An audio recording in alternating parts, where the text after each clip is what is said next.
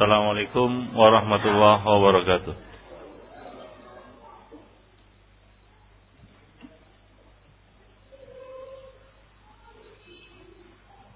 Alhamdulillah Nahmaduhu wa nasta'inuhu wa nastaghfiruh Wa na'udzu billahi min syururi anfusina wa sayyiati a'malina May yahdihillahu fala mudhillalah wa may yudlil fala hadiyalah Ashhadu an la ilaha illallah wahdahu la syarikalah. Wa ashhadu anna Muhammadan abduhu wa rasuluh. Ya ayyuhalladzina amanu ittaqullaha haqqa tuqatih. Wa la tamutunna illa wa antum muslimun. Amma ba'd. Ikhwan fiddin Insyaallah pada pagi ini kita akan meneruskan pelajaran kita Kita sudah sampai pada masalah pembatal-pembatal wudhu. Di antara pembatal wudhu adalah memakan daging unta. Artinya,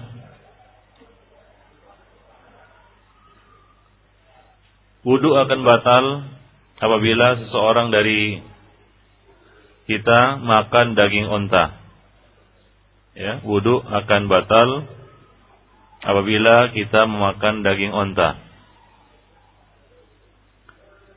Di sini ada hadis dari Jabir bin Samurah radhiyallahu anhu. Coba baca silakan.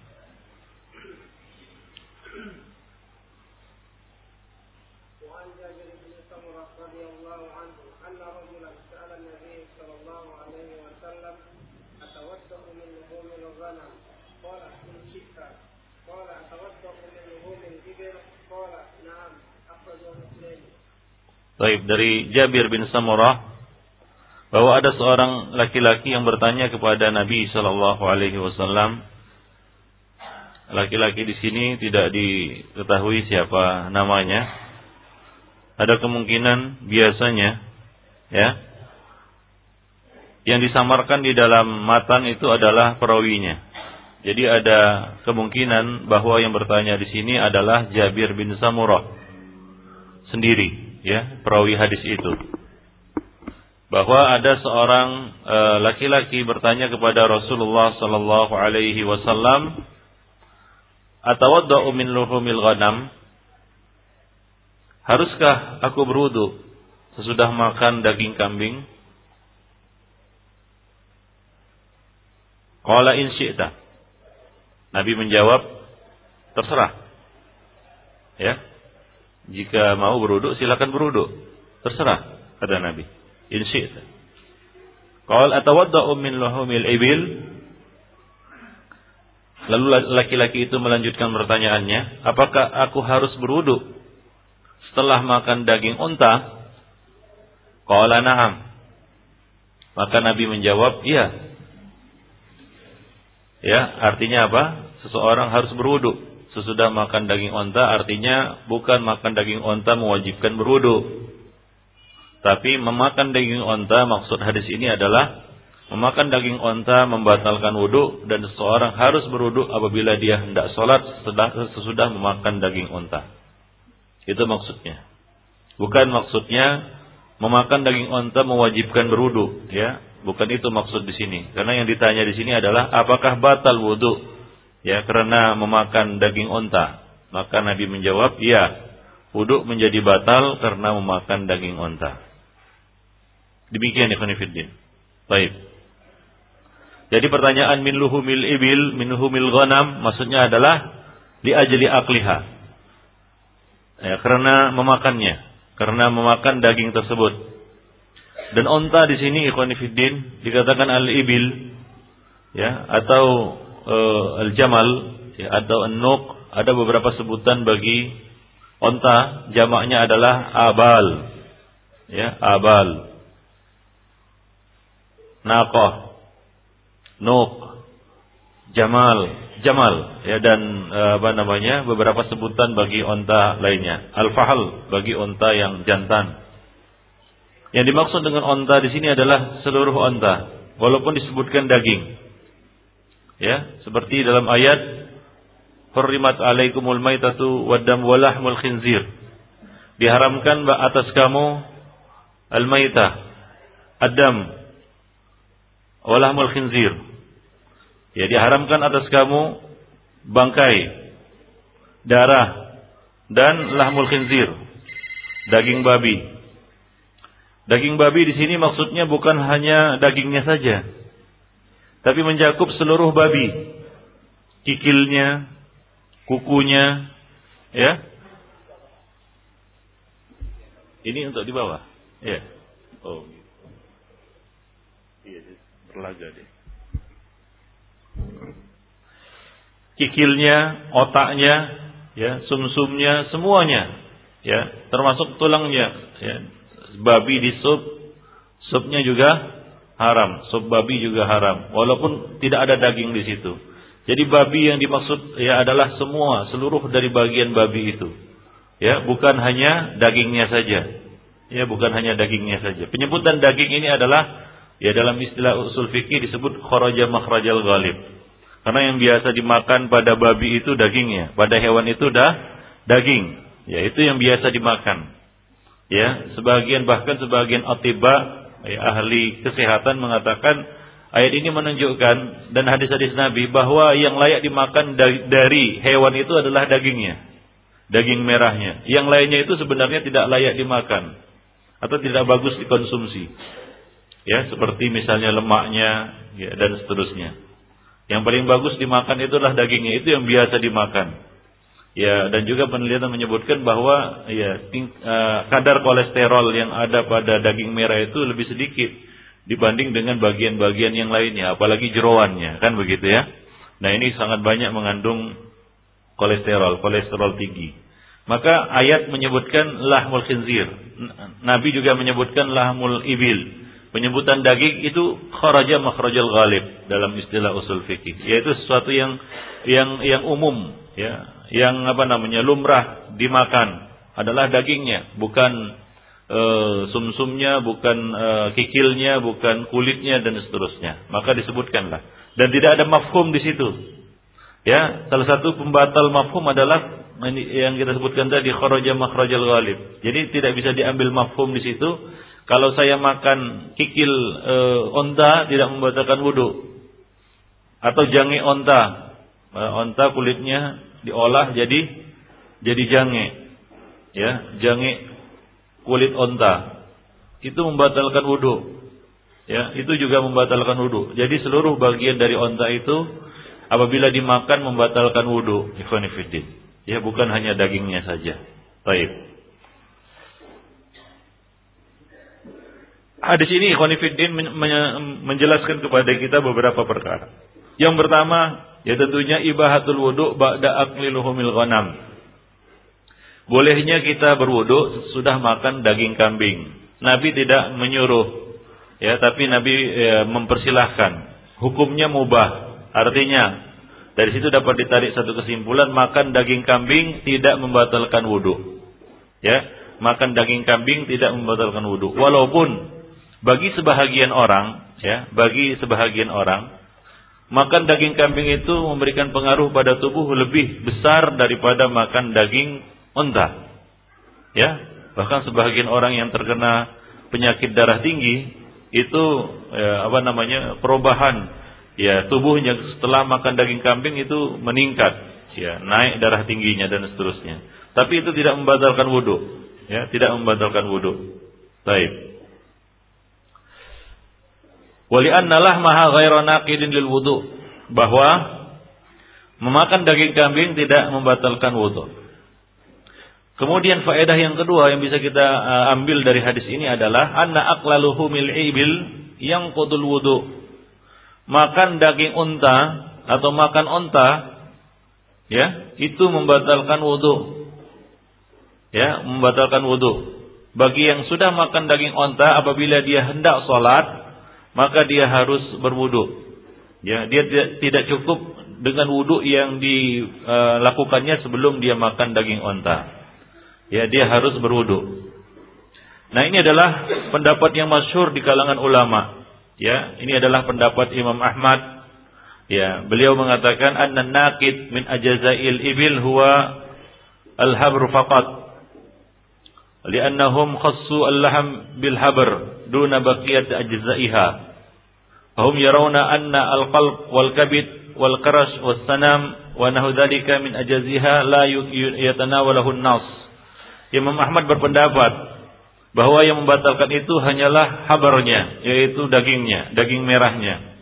Sementara yang lain-lainnya seperti hatinya, jantungnya, ataupun punuknya, yaitu lemaknya yang ada di punuknya, itu tidak masuk dalam nas ini, tidak membatalkan wudhu. Nah ini adalah pendapat uh, Imam Ahmad. Ya. Nah, sebagian yang lainnya memutlakkannya. Jadi dalam Al-Mughni mengatakan al-wajh ada bentuk yang kedua yaitu yang kudu membatalkan seluruhnya li'annahu min jumlatil jazur karena itu termasuk jazur jazur adalah sebutan lain untuk unta wa itlaqul laham fil haywan yuradu bihi jumlatuhu dan penyebutan daging pada hewan jika kita sebutkan daging kambing maksudnya adalah kambing secara utuh. Nah demikian.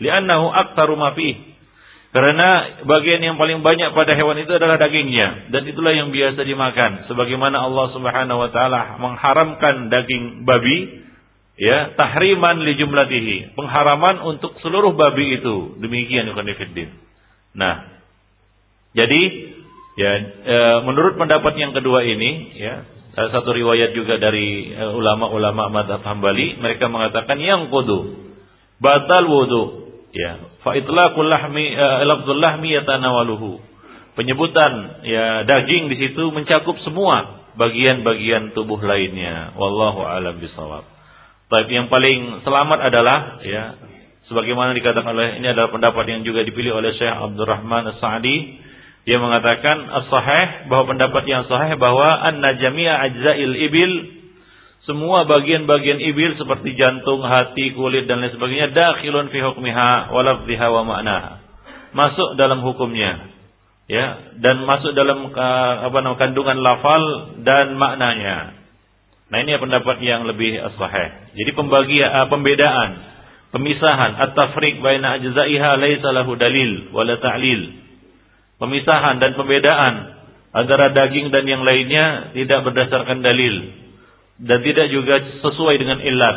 Karena Nabi SAW menjelaskan ilat kenapa ya onta itu uh, dagingnya membatalkan wudhu. Nabi mengatakan fa innahunna khuliq khuliqna minasyayatin karena mereka diciptakan memiliki sifat-sifat syaitan. Dan itu tentunya tidak hanya pada daging.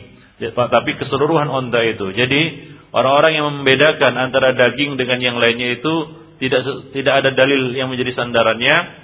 Kemudian tidak ada uh, tidak ada kolerasinya dengan ilat hukum tersebut. Nah demikian. Ya. Baik. Ya. Nah, uh, fi al-halib wal laban. Ya, lalu mereka membedakan juga bahwa yang dimaksud di sini adalah yang dimakan, bukan yang diminum. Maka keluar dari situ al-halib wal laban, yaitu susunya. Jadi susunya tidak membatalkan wudhu. Ya, mereka memisahkan antara yang dimakan dengan yang di, diminum. Li'annahu laisa lahman wa la yashmulu musammah. Ya karena yang namanya uh, susunya itu itu tidak disebut daging. Sementara yang lain-lainnya kikilnya juga disebut daging dimakan. Adapun uh, susunya ini tidak disebut daging, ikhwanifidin. Jadi susu unta ya tidak membatalkan wudhu, tidak sama dengan dag, apa namanya bagian-bagian yang lainnya. Wallahu a'lam bishawab. Baik. Nah, itu dia uh, hadisnya ya. Nah, kemudian e, wajibkah kita berwudu sudah makan daging onta? Artinya haruskah kita mengulangi wudhu kita? Jawabnya adalah wajib. Al aslu fihi al wujub. Asal dari apa namanya kandungan dalil ini adalah wajib. Ya, jadi bukan mustahab. Sebagian membawakan ini kepada mustahab, yaitu dianjurkan. Orang makan daging onta ingin sholat dianjurkan untuk berwudu. Ya, kita katakan al aslu fihi al wujub. Al asal di dalam hadis ini adalah wajib. Ketika Nabi ditanya, apakah harus berwudu e, setelah makan daging onta? Nabi menjawab iya. Jawaban Nabi Naam itu mengandung apa namanya? e, konsekuensi wajib karena yang ditanyakan adalah keharusan. Ya, keharusan. Apakah harus beruduk sudah makan daging onta? Baik. Nah, di sana ada banyak dalil-dalil lain ya selain hadis uh, Jabir bin Samurah di atas.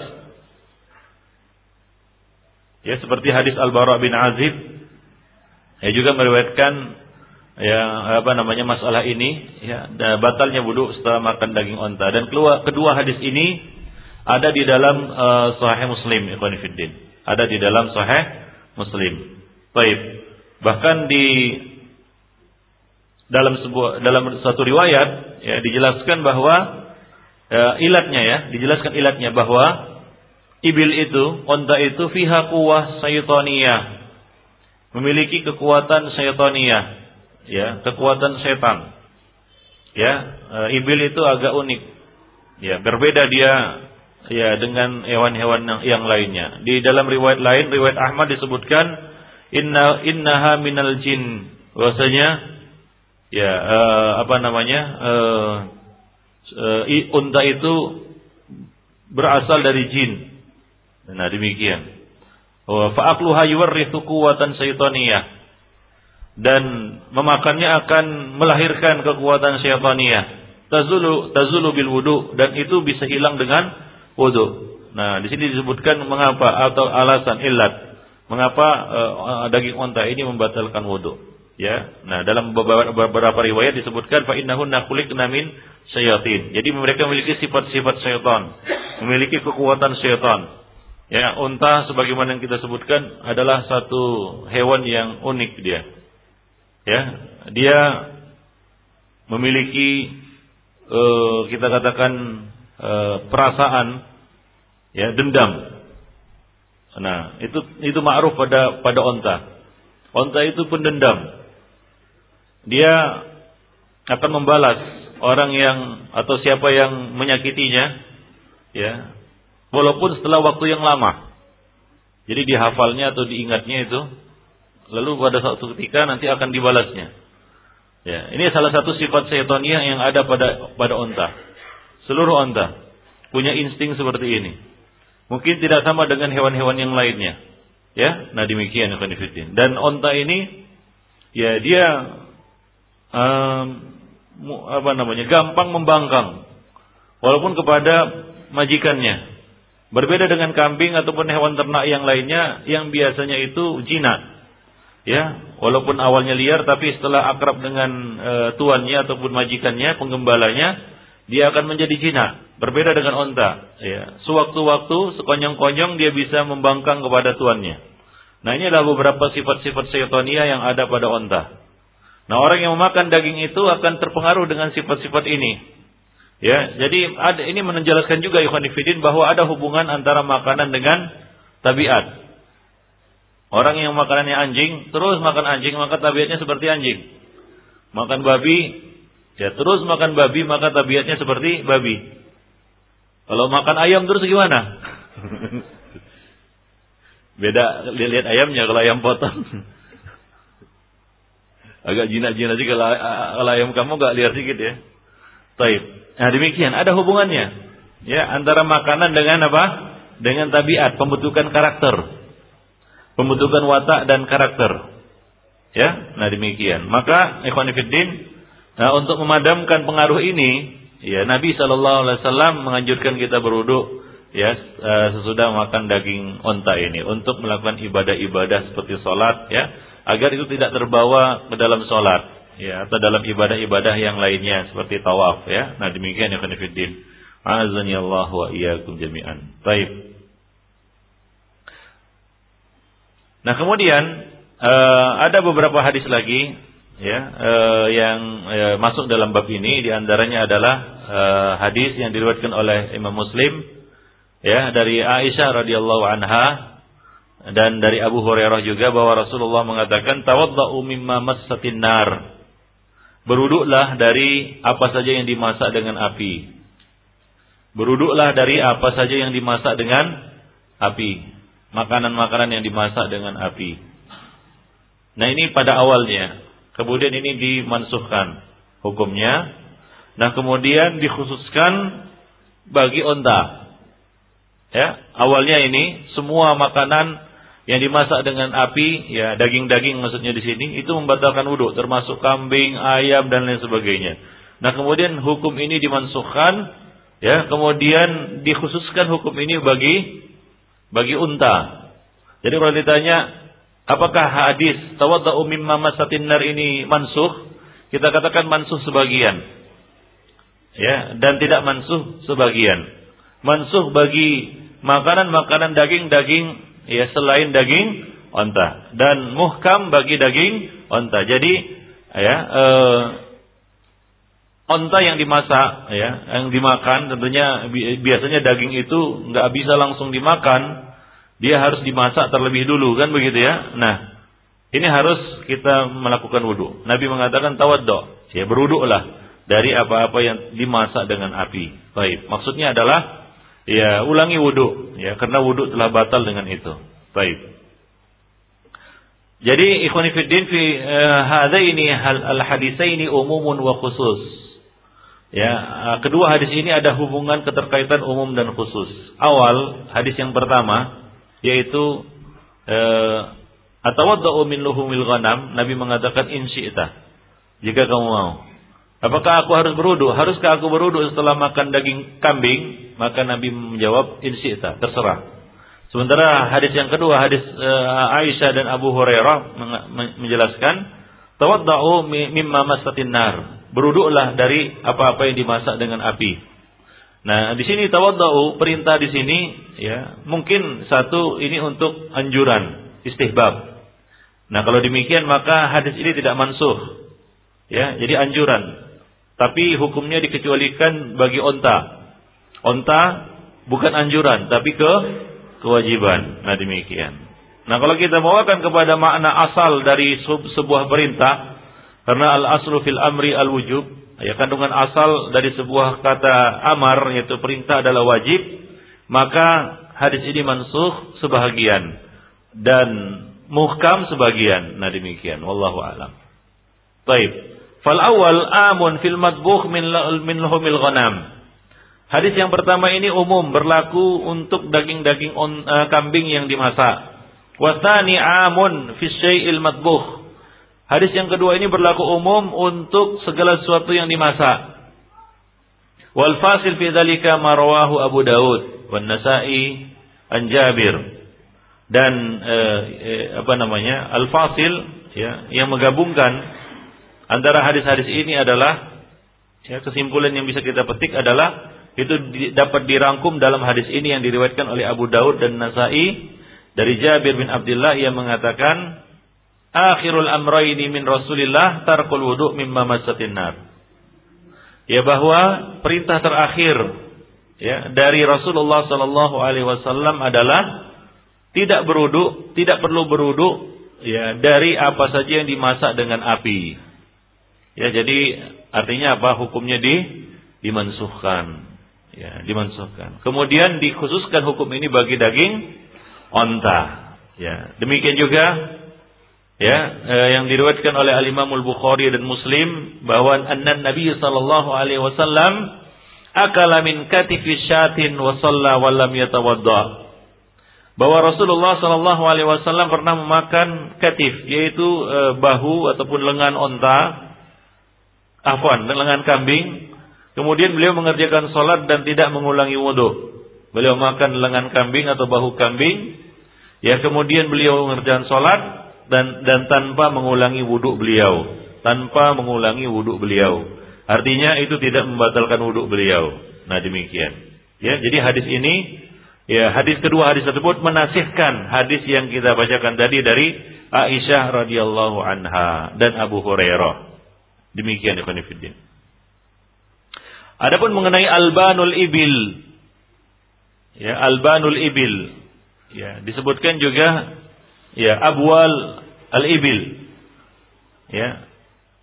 Susu dan kencing unta. Susu dan kencing unta. Kita tahu bahwasanya kencing unta itu ya adalah obat. Obat malaria. Ya, malaria. Apalagi ma malaria gurun kan begitu ya yang ganas. Obatnya adalah kencing onta. Ya biasa begitu Allah Subhanahu wa taala menciptakan keseimbangan pada alam ini. Ya. Anti jengkol apa? Hah?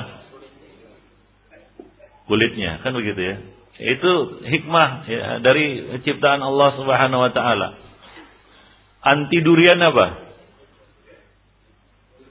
Gimana? Coba, siapa yang tahu di sini? Siapa penggemar durian di sini? Antinya gimana kalau apa namanya mabuk durian atau mau uh, keracunan durian gitu apa apa obatnya? Gimana? Nah ini, ini apa? Nah, kulitnya dikasih air kemudian dimakan kulitnya. Oh enggak. Diminum. Ya, betul. Kayaknya itu semacam satu konsensus gitu antara semua penggemar durian. Bahwasanya seperti itulah dia andinya kan begitu ya. Ya begitulah yang ma'ruf dan memang betul. Ya, jadi Allah Subhanahu wa taala menciptakan keseimbangan pada alam ini. Ya tidak mungkin kan untuk anti jengkol harus dicari apa antinya sampai ke kutub. Ya, makan jengkol di Indonesia cari antinya sampai ke kutub kan enggak? Ya, atau ke Eropa. Ya, yang enggak ada di tempat itu. Demikian juga kalau anti durian itu harus dicari sampai ke apa namanya sampai ke kutub selatan, ya, sampai ke Antartika kan begitu ya. Ini kan susah. Jadi antinya ada pada benda itu atau ada ada di, di sekitar benda itu. Nah itu merupakan hikmah dari penciptaan Allah Subhanahu Wa Taala. Termasuk juga ya kita katakan malaria gurun. Ya, nah itu obatnya ada di gurun itu sendiri. Yaitu apa? Ya cari onta, ya mangap aja begitu. Kalau dia buang air. Ah begitu. Iya betul. Ya Nabi saw pernah menyuruh orang-orang yang datang kepada beliau yang ingin masuk Islam ya lalu mereka tinggal di Madinah ternyata mereka tidak cocok dengan suhu di kota Madinah yang panas. Akhirnya mereka terkena malaria demam. Nabi menyuruh mereka untuk keluar dari Madinah ke apa namanya ke luar kota. Ya di sana ada penggembala uh, onta ya. Dan Nabi menyuruh mereka untuk minum dari kencing onta itu. Akhirnya mereka melakukan itu dan mereka sembuh Sayangnya mereka berkhianat. Setelah sembuh mereka bunuh pengembalanya dan mereka ambil onta-ontanya. Nah, Nabi mengejarnya dan ketahuan dapat. Akhirnya mereka dihukum, dijemur dan ya di apa namanya diasing uh, dibuang ke gurun, dijemur sampai sampai mati. Nah demikian. Ikhwanifiddin. Baik. Ya. Jadi ini masalah albanul ibil wa abwaluha. Ya, mengenai susu uh, susu unta dan uh, air seni unta atau kencing unta. Nah, ada dua riwayat dari Imam Ahmad dalam masalah ini, ya tentang batal atau tidaknya wudhu setelah minum susu dan kencing unta. Ya, dan riwayat yang rajih dari beliau di dalam madhab adalah anna al alban wal abwal la tangkudul wudu bahwa susu dan kencing unta tidak membatalkan wudhu. Ya, seperti yang kita sudah jelaskan, ini dibedakan antara yang dimakan dan yang tidak di dimakan. Ya, ini kan diminum, kencing onta untuk obat, ini, itu diminum. Nah, kalau orang minum obat berupa kencing onta, dia minum, ya, lalu dia ingin sholat, dia tidak perlu mengulangi wuduknya. Apabila dia sudah beruduk sebelumnya. Nah, demikian. Beda misalnya kita makan hati onta kan begitu ya jemaah haji itu pulang bawa hati onta untuk obat katanya. Obat apa sih hati onta itu? Hah? Obat lapar. obat apa? Ada di dalam hadis tentang hati unta. Karena itu diburu itu sama jemaah-jemaah haji itu ya. Ya, baik. Iya dicari hati onta yang sudah dikeringkan ada yang oh apa namanya setelah hari nahar itu kan di apa namanya di maktab itu di atas itu orang rame-rame jemur hati unta kan gitu. Ya, Allah alam nggak ada sebenarnya riwayat yang secara khusus menyebutkan khasiat apa hatinya. Justru khasiat itu lebih banyak pada kencingnya. Allah alam ini di mana rahasianya, gimana kok bisa begitu ya? Ya demikianlah Allah Subhanahu Wa Taala menciptakannya. Ya, justru obat itu ada pada kencingnya, bukan pada susunya bukan pada uh, apa namanya uh, hatinya ya seperti yang banyak dikejar orang. Jadi demikian uh, ikhwan ya uh, ada beberapa riwayat dari Nabi tentang pengobatan ya untuk onta itu kencingnya. Untuk sapi itu susunya. Susu. Susu sapi. Nabi mengatakan eh, tadawu bi albanil bakar. Berobatlah kamu dengan apa namanya? Uh, susu sapi. Jadi sapi itu susunya. Kalau kambing itu baru dagingnya. Uh, begitu dia. Itu obat itu. Obat kuat kalau daging kambing. Nah, yang jelas begitulah ikhwan fillah azani Allah wa iyyakum jami'an. Jadi jangan uh, keliru mengidin apa namanya menetapkan sesuatu itu obat atau bukan obat kan begitu ya. Nah, ya memang daging onta eh hati onta itu enak. Ya, tapi bu, e, gak ada khasiat khusus ya. Ya kecuali ya menghilangkan sakit lapar tadi ya kan gitu. Enak memang. Ya. Baik, tapi makan daging hati onta itu membatalkan wudhu ya. Ya, nah demikian. Baik, kita lanjutkan. Wahwa sahih. Dan inilah pendapat yang sahih ya bahwasanya Rasulullah sallallahu alaihi wasallam tidak memerintahkan al-uraniyin bil wudu min albanil ibil. Ya, Nabi wasallam tidak menyuruh al-uraniyin ya yang datang kepada beliau kaum uraniyin untuk berwudu setelah meminum alban al-ibil. Setelah meminum susu unta. Nah, demikian. Baik. Sementara Rasulullah Shallallahu Alaihi Wasallam menyuruh mereka untuk meminumnya. Famar fa'amarahum bisyurbiha. Nabi menyuruh mereka untuk meminumnya, tapi Nabi tidak menyuruh mereka dan dan tidak mengingatkan mereka untuk beruduk setelah meminumnya. Kalaulah harus beruduk, maka kaidah mengatakan la yajuz ya, ya tarkul bayan fi waktil hajah. Tidak boleh meninggalkan bayan pada waktu dibutuhkan. Nah, ini mereka membutuhkan penjelasan. Ya, saat itu. Ya, yaitu mereka tidak tahu, mereka baru datang bertemu Nabi, Nabi menyuruh mereka untuk minum minum susu unta. Kalaulah susu unta itu membatalkan wudhu, maka Nabi akan menyertakan perintah itu dengan perintah untuk berwudhu sesudahnya. Baik. Demikian ikhwan fillah, azani Allah wa iyyakum jami'an. Lanjutkan.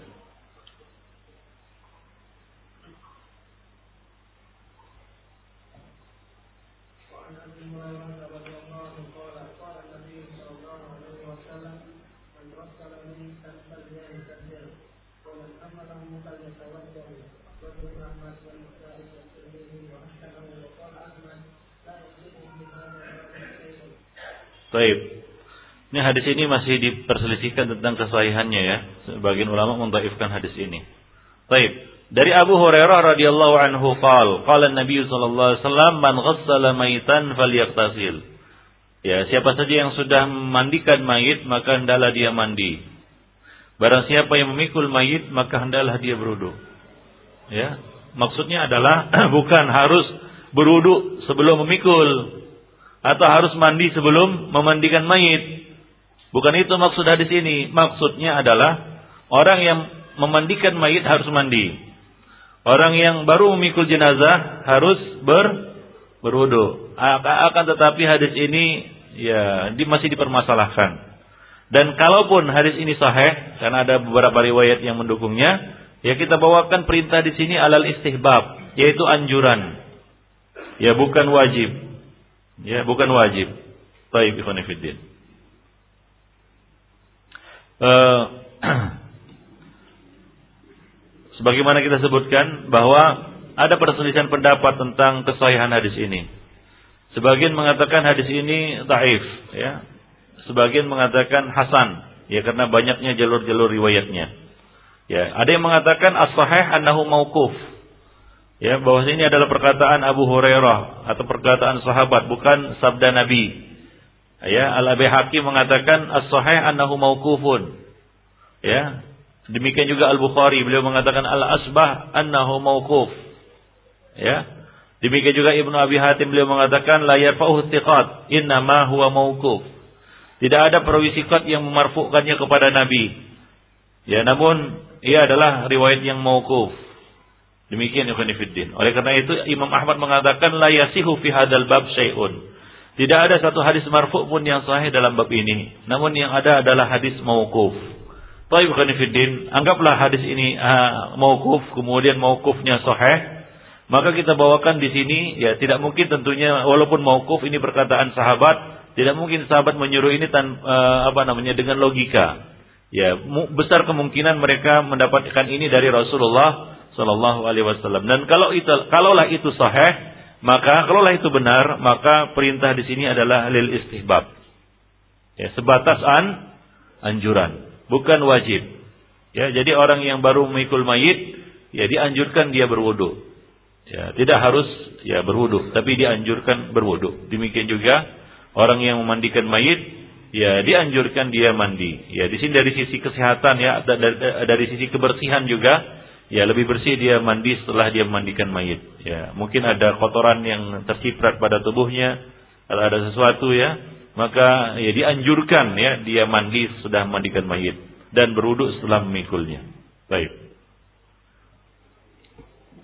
Ya demikian pula Ibnul Madini mengatakan la yasihu fi hadzal bab syai' tidak ada hadis marfu, ya satu pun hadis marfu yang sahih dalam bab ini. Demikian Ibnu Fiddin. Taib, ada beberapa faedah yang dapat kita petik dari hadis ini ya. Di antaranya adalah yang pertama, zahir hadis ini menunjukkan wajibnya mandi bagi yang memandikan mayit. Ya. Akan tapi di sini Ikhwan ya, e, kita bawakan perintah di sini ya kepada anjuran ya, kepada an, anjuran. Ya, di samping hadis ini masih kontroversi tentang e, kesahihannya. Baik. Nah, Kemudian mayit di sini Ikhwanifiddin, Nabi mengatakan mayitan. Ya, ini mencakup mayit laki-laki dan mayit perempuan. Ya. Kemudian yang kecil maupun yang besar. Artinya apa? Mayit anak-anak maupun mayit yang dewasa, orang dewasa maupun anak-anak. Ya. Akan tapi para ulama berselisih pendapat bagaimana dengan mayit yang kafir. Apakah ya masuk juga ke dalam kandungan hadis ini? Ya, yaitu seorang yang memikul jenazah kafir misalnya. Ya, ya bisa terjadi ya. Misalnya kafir mati nggak ada yang ngurusnya. Siapa yang ngurus? Ya kaum muslimin juga kan begitu ya. Nah demikian. Lalu kita membawa jenazahnya. Apakah kita harus berudu? Dianjurkan berudu? Ya, wallahu alam ikhwan fillah bahwa Nabi mengatakan di sini dalam bentuk nakirah. Ya. Nakirah uh, uh, fi siyakil isbat. Nakirah fi siyakil isbat. Mangga salamayitan wa huwa yufidul umum. Ya memberikan faedah umum, umum semua mayit. Laki-laki, perempuan, besar, kecil, anak-anak, dewasa, muslim maupun kafir. Wallahu alam bisawab. Baik.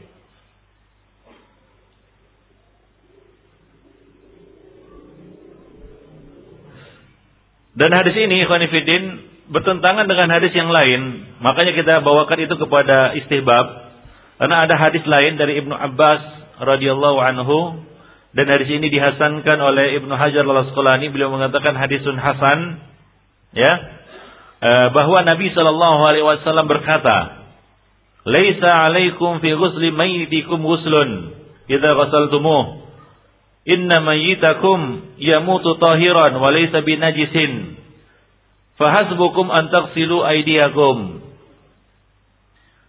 Tidak ada kewajiban atas kamu untuk mandi ya setelah uh, uh, uh, tidak ada kewajiban atas kamu untuk mandi apabila kamu selesai memandikan jenazah ataupun mayit. Sesungguhnya mayit-mayit kamu itu adalah mayit yang mati dalam keadaan suci, tidak najis maka cukup bagi kamu untuk mencuci tangan saja. Itu mencuci tangan, itu mencuci bagian-bagian yang perlu dicuci.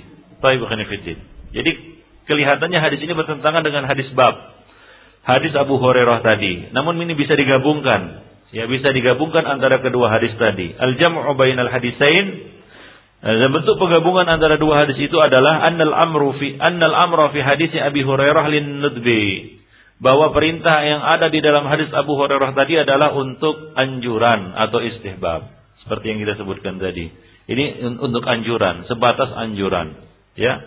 Nah, ini dikuatkan lagi dengan uh, yang diriwayatkan oleh Imam Ahmad, ya. Hal ini diperkuat ya dengan sebuah riwayat dari Imam Ahmad dari Ibnu Umar radhiyallahu anhuma, dia berkata, "Kunna nughassilul mayyita, faminna man yaghtasil wa minna man la yaghtasil."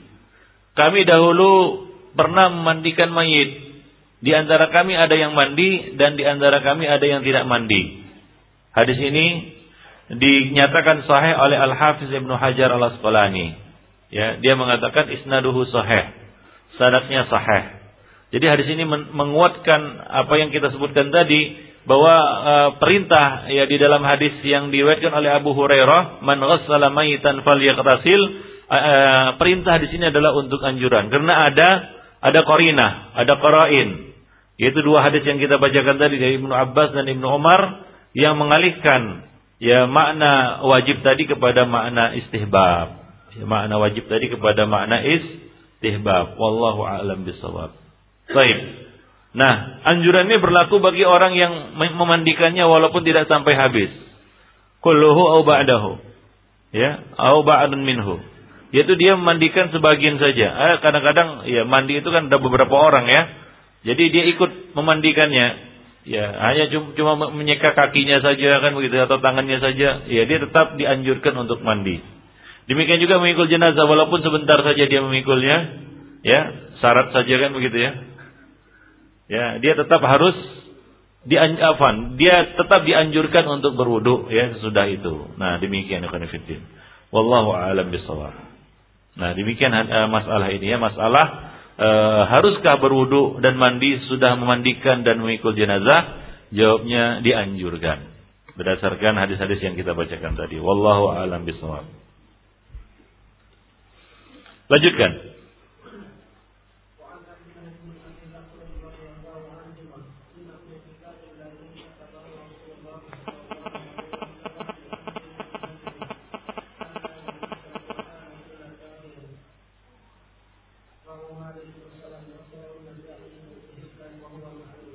Baik, hadis masalah juga masyhur ini di kalangan uh, kaum muslimin yaitu apa haruskah berwudu sebelum menyentuh mushaf? Tadi malam ditanya, Ustaz kalau diwajibkan dulu pada zaman Nabi bagaimana? Belum ada mushaf, belum dibukukan katanya. Ya sebenarnya bukan belum dibukukan, belum dirapikan dalam satu bentuk jilid buku seperti ini. Tapi sudah tertulis di pelepah-pelepah korma, ya di kulit-kulit binatang kan begitu ya di batu-batu dan sejenisnya. Di mana dulu alat media yang mereka pakai untuk menulis, alat yang mereka pakai untuk menulis. Jadi sudah tertulis dulu, cuma belum disatukan, dirapikan. Yang merapikannya, menyatukannya adalah Utsman ibnu Affan radhiyallahu anhu. Taib. Nah, masalah yang masyhur di kalangan kaum muslimin, haruskah berwudu sebelum menyentuh mushaf? Ya, ada khilaf di kalangan ulama dalam masalah ini. Ini hadis, tapi hadis ini tidak sahih. Dari Abdullah bin Abi Bakar, ya, bahwa dalam surat yang ditulis oleh Rasulullah kepada Amr bin Hazm adalah jangan menyentuh Quran, Allah ya masal Quran illa tahirun. Jangan menyentuh Quran kecuali orang yang suci, orang yang bersih. Ya, tahir di sini diartikan yaitu berwudu. Diriwayatkan oleh Imam Malik secara mursal. Namun diriwayatkan oleh eh, Al-Nasai dan Ibnu Hibban secara mausul, tapi hadis ini ma'lul. Hadis ini berilat, ada cacatnya, ikhwan. Dan hadis ini termasuk e, riwayat sahifah namanya. Ya, sahifah Amr bin Hazm yang mungkotiah, terputus. Ada beberapa sahaif, sahifah, riwayat sahifah seperti riwayat sahifah Abdullah Abdullah bin Amr, sahifah Abu Hurairah radhiyallahu anhu Ya, beberapa di antaranya itu sahih. Ya, dan banyak di antaranya itu yang daif. Nah, termasuk sahifah Amr bin Hazm. Ini termasuk sahifah yang mungqati'ah. La takum bi la takumu biha hujjah. Tidak bisa dijadikan sebagai hujjah. Nah, demikian Ibn Fiddin. Wallahu alam bisawab. Jadi hadis ini bermasalah. Hadis ini tidak sahih. Nah, kemudian masalah uh, apa namanya? Uh, menyentuh Quran Ya, masalah menyentuh Quran. Ya, Nabi mengatakan illa tahirun di sini. Ya, masih diperselisihkan mengenai makna tahir di sini. Ya, apa yang dimaksud dengan tahir? Kalau dimaksud dengan tahir di sini tahir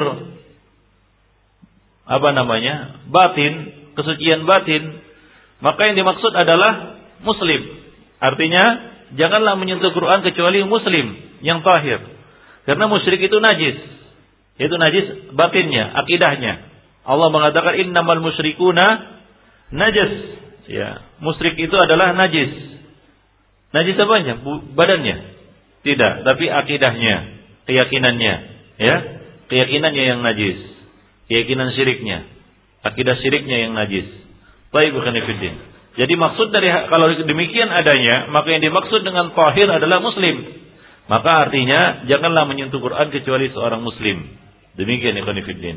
Nah, kalau yang dimaksud dengan tahir di sini adalah suci dari suci maksudnya adalah uh, suci uh, jasmani, maka maksud dari tahir di sini adalah wudu.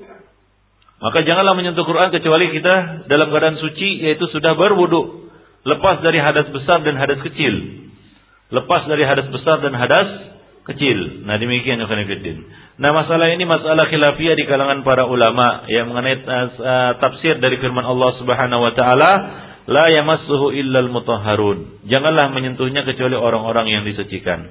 Ya, tapi ikhwan fillah uh, apa namanya? Uh, ada beberapa tafsiran ya berkaitan dengan ayat tersebut. Ada yang mengatakan al mutahharun artinya ay al malaika al mutahharin. Ya, anna al, uh, maksudnya adalah al malaika al mutahharun. Para malaikat-malaikat yang disucikan. Ya, jadi tidak menyentuh Quran itu kecuali malaikat-malaikat yang disucikan. Jadi syaitan tidak bisa menyentuh Al-Quran yang ada di lauhul mahfuz.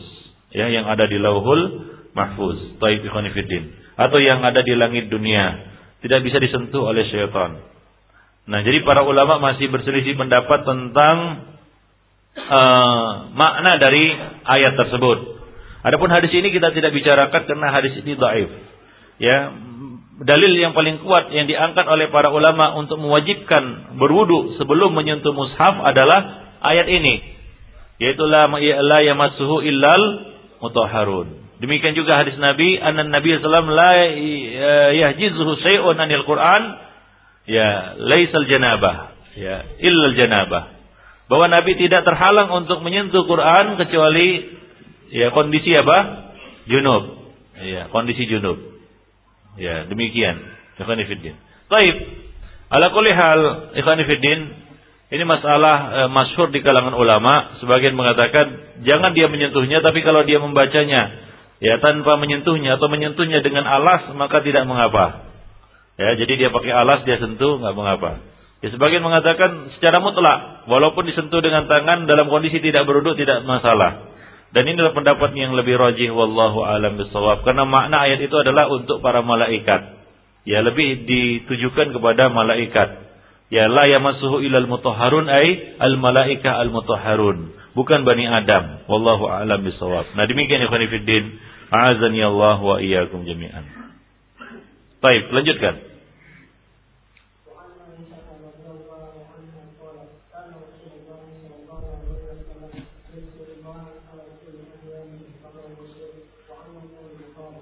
Baik. Jadi Nabi Shallallahu Alaihi Wasallam berzikir, ya, zikrullah, melakukan zikir ala kulli ahyanihi dalam dalam seluruh keadaannya, ya, dalam seluruh keadaannya. Artinya apa? Nabi Shallallahu Alaihi Wasallam berzikir kepada Allah, ya, baik dalam kondisi berwudu maupun tidak ber berwudu. Jadi zikir ya tidak disyaratkan dari eh, apa namanya harus berwudu darinya, tapi dianjurkan. Ya tidak harus, tapi dianjurkan. Demikian juga doa. Ya, tidak diharuskan berwudu, tapi dianjurkan untuk berwudu.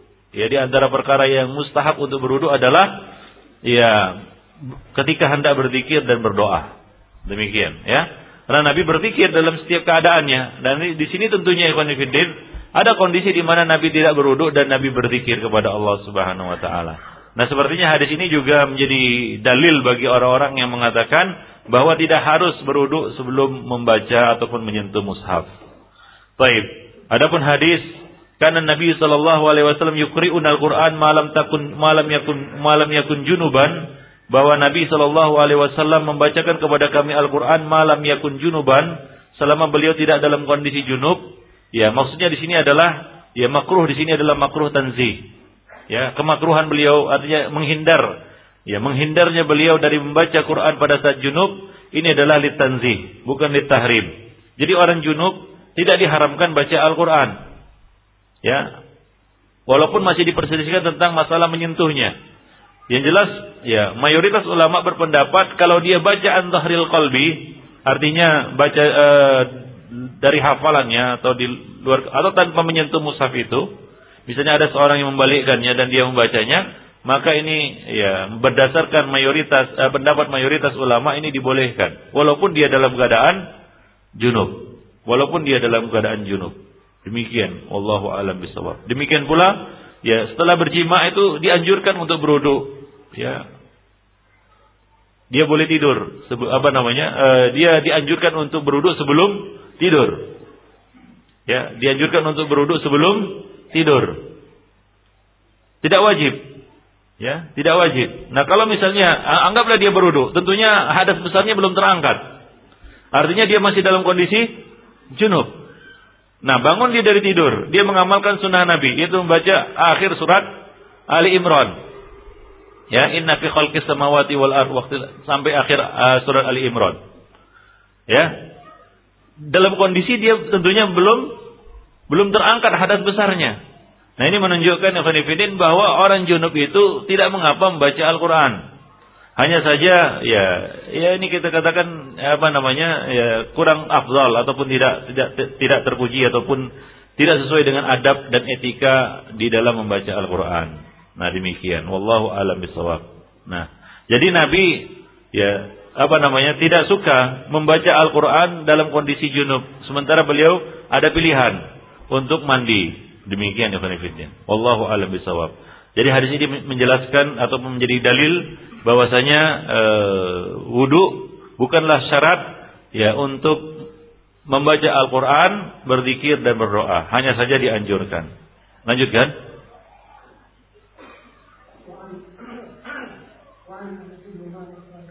Uh, afwan, demikian juga firman Allah Subhanahu wa taala, ya, alladzina yadhkuruna Allah qiyaman wa qu'udan wa ala junubihim wa yatafakkaruna fi khalqis samawati wal ard.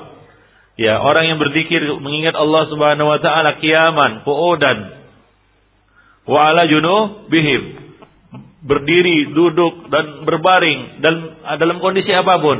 Ya silakan dia berzikir mengingat Allah Subhanahu wa taala walaupun dalam kondisi dia tidak berudu. Meskipun dianjurkan dan sangat ditekankan untuk berudu, ya setiap kali kita berhadas. Ya seperti yang diamalkan oleh siapa? Bilal ya, Bilal mengamalkan itu. Tidaklah beliau berhadas melainkan beliau berudu sesudahnya kemudian mengerjakan salat yang di yang bisa dilakukannya. Nah, demikian. Dan ini juga sabda Nabi karena Rasulullah yazkurullah, karena Rasulullah sallallahu alaihi wasallam Yadhkurullah ala kulli ahyanihi. Ini dikecualikan darinya dalam kondisi beliau sedang berada di WC dan sedang buang buang hajat. Ya. Ya tentunya tidak boleh berzikir ataupun membaca Quran berdoa ber, uh, sengaja untuk berzikir dan membaca Al-Quran di mana? Di di WC, di kamar mandi, atau ketika sedang seorang itu sedang buang hajat, walaupun bukan di WC, misalnya di padang apa namanya di luar ya di sungai ataupun di mana. Ya, janganlah seorang itu membaca Al-Qur'an ataupun berzikir ketika dia buang hajat. Ya, ini dikecualikan. Ya dikecualikan dari keumuman yang disebutkan dalam hadis tadi. Bahwa Nabi Shallallahu alaihi wasallam berzikir kepada Allah setiap saat. Ala kulli ahyanihi. Jadi itu tidak berlaku mutlak dan umum. Dikhususkan dalam beberapa kondisi. Ya Ya, ya demikian juga dalam kondisi apa? Ya, tadi apa kita sebutkan? Ya, al-baul, buang air kecil, al-ghaid, buang air besar, demikian pula dalam kondisi apa? Jangan dia berzikir. Hah? Al-jima. Ya, nah demikian. Dalam kondisi apa? Jima. Jadi yukhassisu eh, yukhassisu kadzalika bihalatil baul wal ghaid wal jima. Dikhususkan ya dari kondisi yang umum tadi tiga kondisi. Janganlah dia berzikir, janganlah dia baca Quran, yaitu ketika dia buang air kecil, buang air besar dan ketika ber berjima. Kan nggak mungkin berjima sambil zikir kan begitu. Baik apalagi baca Quran. Lanjutkan.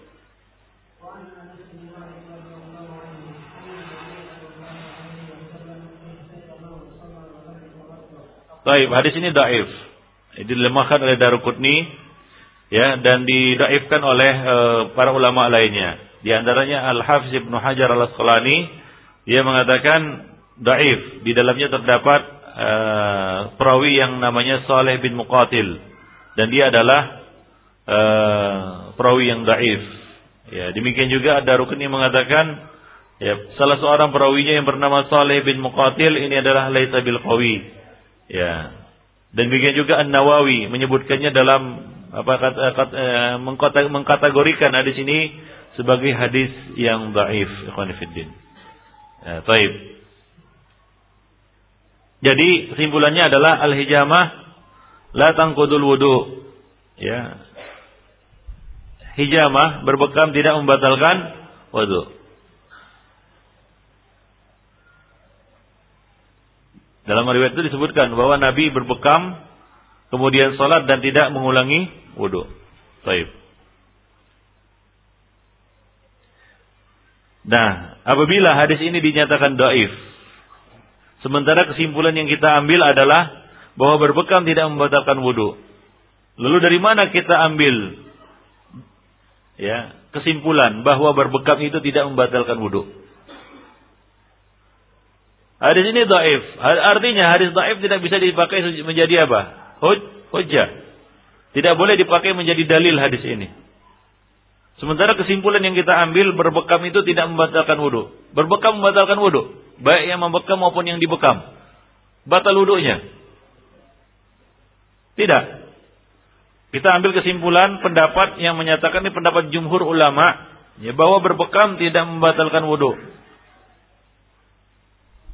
Nah ini adalah pendapat banyak ulama di antaranya Abdullah bin Umar, eh, para sahabat ya Ibnu Abbas ya dan eh, sahabat-sahabat yang lainnya. Lalu dari mana dalilnya? Dari mana kita ambil kesimpulan itu? Sandarannya? Ya? Ya keluarnya darah yang itu sama seperti bekam tidak membatalkan wudhu. Ya seorang luka misalnya, batal wudhunya digigit nyamuk ya hingga berdarah dia. Batal wudhunya, keluar nanahnya. Batal wudhunya, tidak. Mis-misan dia. Ya keluar darah dari hidungnya. Tidak membatalkan wudhu, gusinya berdarah. Ya, kemudian dia meludah dan berdarah. Keluar darah dari mulutnya. Tidak membatalkan wudhu. Maka demikian pula bekam. Ya, demikian pula bekam. Jadi disamakan dengan hal-hal yang serupa dengannya. Dianalogikan. Ya, dengan hal-hal yang serupa dengannya yang juga mengeluarkan darah. Jadi keluarnya darah tidak membatalkan wudhu. Dari situ kita ambil kesimpulan bahwa berbekam tidak membatalkan wudhu. Wallahu alam bisawab. Baik. Dan itulah ya, pendapat yang masyhur ya dari Imam Ahmad bahwa an-najisul kharij min ghairi sabilain ya eh, eh, apa namanya eh, eh, darah ya yang keluar dari eh, apa namanya dari tubuh itu tidak membatalkan wudhu. Darah yang keluar dari tubuh itu tidak membatalkan wudhu. Baik. Malik Syafi'i mengatakan la wudu'a minhu, tidak ada wudhu. Ya, karena keluarnya e, apa namanya? E, darah. Baik. Termasuk di antaranya ya hadis yang yang lalu yang juga doif yaitu apa? Berwudu karena muntah ya, kemudian dahak ya dan juga ingus itu hadisnya doif dan kita telah jelaskan bahwa perkara-perkara itu tidak membatalkan wudhu. Baik. Dan hadis ini juga menjelaskan kepada kita salah satu ya sunnah yaitu sunnah ber berbekam. Dan bekam itu adalah salah satu e, cara untuk apa? Mengobati pe, penyakit. Nabi mengatakan Asyifa'u fi salat. Pengobatan itu eh, pengobatan itu ada pada tiga perkara. Syurbatu asalin syartata syartati ya, mihjamin wa kayyatinar. Ya, pengobatan itu ada pada tiga perkara yaitu minum madu, berbekam dan kai dengan api. Ya, pengobatan dengan cara kai. Wallahu a'lam bishawab. Baik.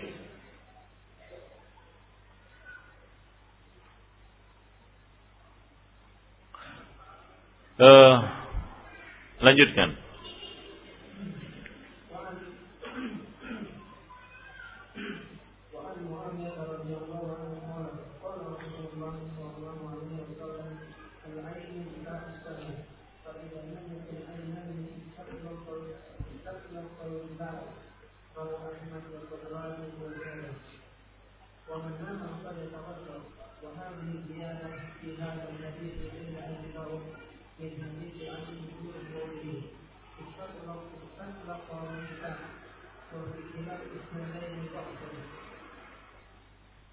Lanjut.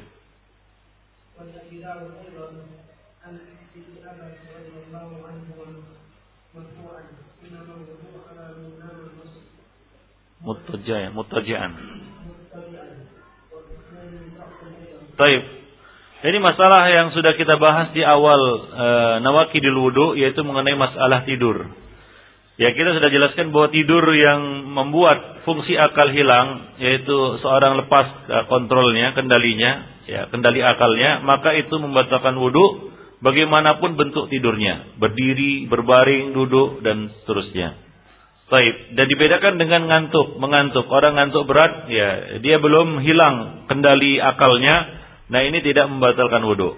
Di, di sini ada beberapa riwayat, ya, ya uh, dikatakan di sini riwayatnya dhaif tapi sebenarnya riwayatnya sahih ya. Ya ada riwayat-riwayat lain yang menguatkannya. Ya dari Muawiyah bin Abi Sufyan Taib uh, dia mengatakan qala Rasulullah sallallahu alaihi wasallam al-ainu wika'us sahi. Ya.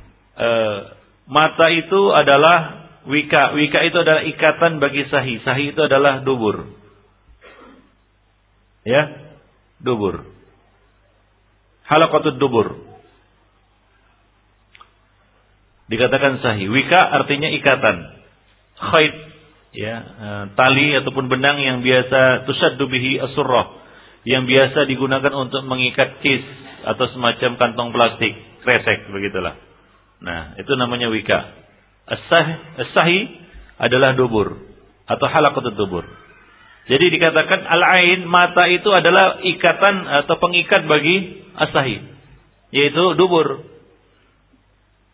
Ya, faida namat apabila faida namatil ainan jika e, mata itu sudah tertidur ya mata sudah terpejam maksudnya maka istatlaqa alwika terlepaslah ikatan itu. Jadi orang sudah tidur maka terlepaslah ikatan duburnya. Artinya dia tidak tahu apa yang terjadi pada duburnya.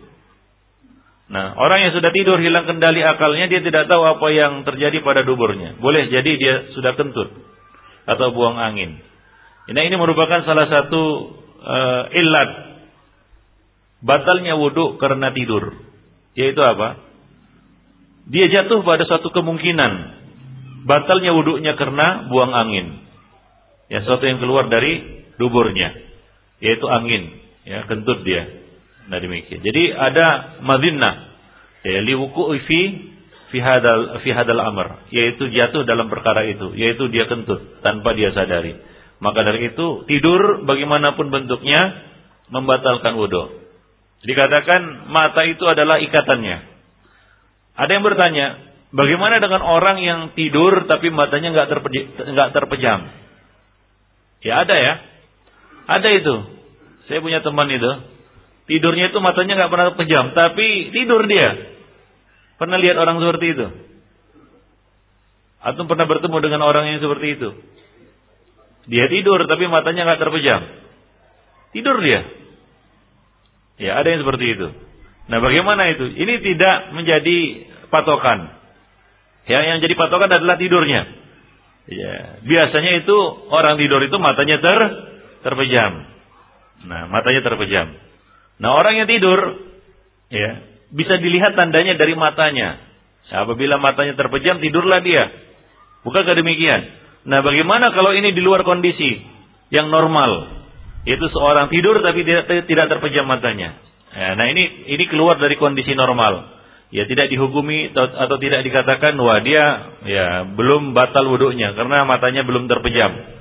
Ya kita katakan ukurannya di sini bukan terpejam atau tidaknya mata, tapi tidurnya. Nah, kalau dia tidur, maka batallah wudhunya. Istatlaqal wika, ya telah terlepaslah ikatan duburnya. Nah, telah terlepaslah ikatan duburnya. Maka Nabi mengatakan, "Wa man nama falyatawadda." Barang siapa yang tertidur, maka hendaklah dia berwudu. Ya, itu dia mengulangi wudunya.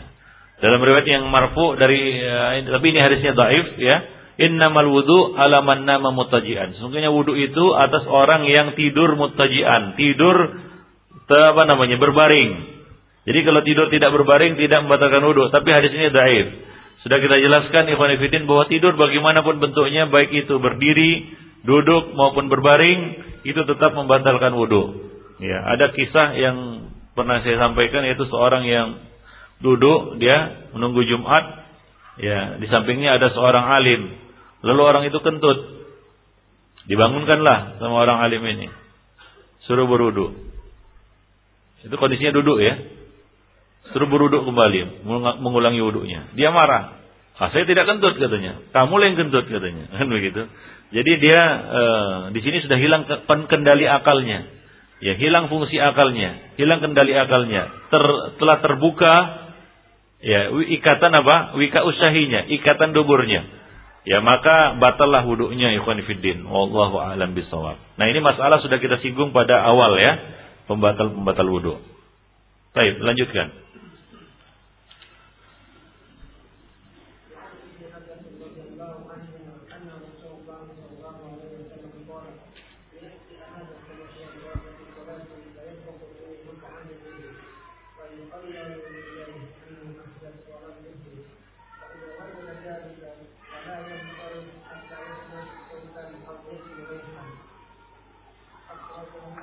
البزار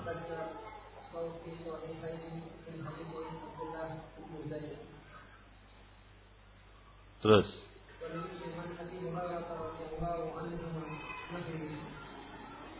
وللحاكم إذا جاء الشيطان فقال إنك أحدثت إنك أحدثت أن يقول كذبت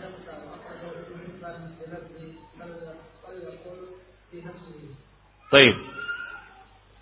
Uh, ini masalah was-was ya. Was-was yang sering melanda sebagian orang. Ibnu Abbas meriwayatkan bahwa Nabi Shallallahu Alaihi Wasallam berkata, Ya ti ahadukum syaitanu fi salatihi. Syaitan akan datang kepada salah seorang dari kamu dalam solatnya. Siapa nama syaitan ini? Ya dalam riwayat lain disebutkan namanya khinzib. Setan-setan yang mengganggu manusia dalam sholat disebut khinzib. Fayamfuku fi maq'adatihi. Dia menghembuskan pada maq'adatihi. Maq'adatihi adalah duburnya. Maq'adatihi maksudnya adalah duburnya. Ya tempat duduknya yaitu duburnya. Dihembus oleh syaitan. Fayukhayyalu ilaihi annahu ahdad. Dan digambarkan ya dimunculkan perasaan dari hembusan setan itu seolah-olah dia kentut Seolah-olah dia kentut, berhadas. Walam yuhdis, sebenarnya dia tidak kentut, dia tidak berhadas. Tapi syaitan menghembuskannya, ya menghembusnya, seolah-olah dia kentut, hingga mengganggu konsentrasinya di dalam sholat. Hingga hatinya bimbang, batal tidak, batal tidak, kentut tidak, kentut tidak. Jadi dalam sholat dia sibuk memikirkan kentut atau tidaknya. Ya bukan bacaan sholat dan lain sebagainya. Jadi syaitan datang memberikan was-was Ya, Nabi yang mengabarkan ini dan Nabi tidak berucap dengan hawa nafsu, melainkan dengan wahyu. Kan begitu? Dan ini nyata ya, kita rasakan juga di dalam sholat. Realitanya seperti itu. Ya, kadang-kadang kita sholat, ada sejarah rasa gitu perut kruk kruk gitu ya, dan dubur seolah-olah kentut. Nah ini sengaja setan, ya dia lihat juga manusia. Ya biasanya seorang manusia yang sangat lalai, nah ini nggak perlu dihembus ya apa namanya duburnya ya sudah lalai dia kan begitu. Nah ada yang perlu disembus-sembus itu duburnya hingga bagaimana ya terkhayal olehnya seolah-olah dia kentut. Nah seolah-olah dia kentut. Apalagi orang-orang yang sangat berhati-hati. Ya yang surat yang suka terkena penyakit was-was. Terkhayal olehnya atau terbayang olehnya dia sudah kentut. Nah, Nabi mengatakan faida wajada dzalika falayan sarif jika dia mendapatkan kenyataan seperti itu, ya kondisi seperti itu, maka janganlah dia berpaling hatta yasma'a sautan au yajidarihan. Janganlah dia keluar dari salatnya Ya, nggak boleh kita membatalkan sholat tanpa alasan yang jelas. Ya, tanpa alasan yang jelas. Ya, haram hukumnya seorang memutus sholatnya tanpa alasan. Ya, seperti seorang sedang berbicara dengan ya orang lain tiba-tiba dia apa? Pergi begitu. Nah, kurang adab namanya. Tapi tanpa alasan. Hingga dia mendengar suara, yaitu ada suara atau ada bau. Atau dia dapatkan baunya. Taib Fiddin. Dalam riwayat Hakim dari Abu Said um, Al-Khudri secara marfu, "Idza jaa ahadukum syaitan faqala innaka ahdath falyakul kadzab." Apabila syaitan datang kepada salah seorang dari kamu dan menghembuskan ya dan mengatakan engkau sudah berhadas, yaitu syaitan membisikkan, "Wah, saya sudah kentut, sudah kentut, sudah kentut," kan begitu ya. Maka dia katakanlah, "Kadzabta." Ya, enggak. Ya, enggak kentut begitulah. Ya. Tidak kentut gitu. Nah, hendaklah dalam lafal lain dikatakan fal yakul fi nafsihi. Hendaklah dia ucapkan ini di dalam di dalam hatinya. Ya, enggak usah dia lafalkan kan begitu ya. Nah, tapi dia ucapkan dalam hatinya. Nah, demikian. Jadi dia lawan, artinya adalah dia lawan. Oh, ya, uh, tidak mengikuti apa yang terbetik di dalam hatinya karena syaitan itu aduun mubinun li bani Adam, musuh yang nyata bagi bani Adam, ya. Dan ya syaitan itu mengalir dalam tubuh mereka sebagaimana mengalirnya darah. Nah demikian. Dan setan selalu mengajak ya orang-orang kepada uh, pengikutnya kepada uh, apa namanya uh, liyaku uh, liyakunu min ashabis syair agar mereka semua menjadi apa temannya di neraka yang menyala-nyala ya neraka syair. Demikian ikhwan fillah rahimani wa rahimakumullah jami'an. Ya, ini akhir dari bab nawakidul wudu. Jadi syak tidak membatalkan wudu. Keraguan-raguan itu tidak membatalkan wudhu. Kalau kita ragu-ragu, maka tepislah keraguan itu hingga nyata bagi kita bahwa kita benar-benar telah berhadas. Ya, kalau itu misalnya e, dalam bab kentut kita mendengarkan apa? Suara atau dan kita mendapatkan baunya, mencium baunya. Kalau dalam bab buang air kecil kita nampak ya apa namanya basahnya, jelas keluarnya. Nah, demikian juga dalam bab buang air besar nampak ciritnya kan begitu. ya, maka batal wudhunya. Wallahu a'lam. Tapi kalau cuma perasaan-perasaan itu jangan di jangan dihiraukan, jangan diikuti. Ya, kadang kayaknya keluar kan begitu ya, kayaknya sudah kentut dan seterusnya. Jadi jangan diikuti. Baik. Nah berikutnya kita akan membahas tentang adab-adab qadaul hajah. Adab-adab buang hajat. Ya. Ini dibahas di dalam fikih Islam. Masalah buang hajat itu diatur dalam Islam. Hingga orang-orang Yahudi sempat ya bertanya kepada Salman Al-Farisi, sesungguhnya ya tidak ada ya satupun perkara yang dilakukan oleh kami melainkan ya temanmu itu berusaha untuk menyelisihinya. Maka eh, apa namanya? Salman mengatakan ya, beliau mengajarkan kepada kami hatta al-qiraah Beliau mengajarkan semuanya kepada kami hingga buang hajat juga diatur. Ya, jadi orang-orang Yahudi kesal karena setiap perkara yang mereka lakukan Nabi selalu menyelisihi mereka. Hingga mereka mengadulah kepada uh, kalau nggak salah Salman Al Farisi ya, ya uh, sahabatnya, bahwa tidak ada satu perkara pun yang dilakukan oleh kami melainkan uh, kawan kalian itu, sahabat kalian itu, maksudnya adalah Nabi Shallallahu Alaihi Wasallam berusaha untuk menyelisihinya. Maka Salman mengatakan iya benar. Beliau mengajarkan seluruhnya kepada kami hingga adab buang hajat. Al-khira'ah. Khira'ah adalah buang hajat. Hingga buang hajat ini diatur di dalam Islam. Ya bahkan kesalahan di dalam buang hajat ini bisa menyebabkan datangnya adab kubur. Ya, salah satu adab kubur adalah tidak bersuci dari air air seni. Nah demikian. Jadi ya, ini akan kita bahas pada pertemuan yang akan datang insyaallah taala. Baik.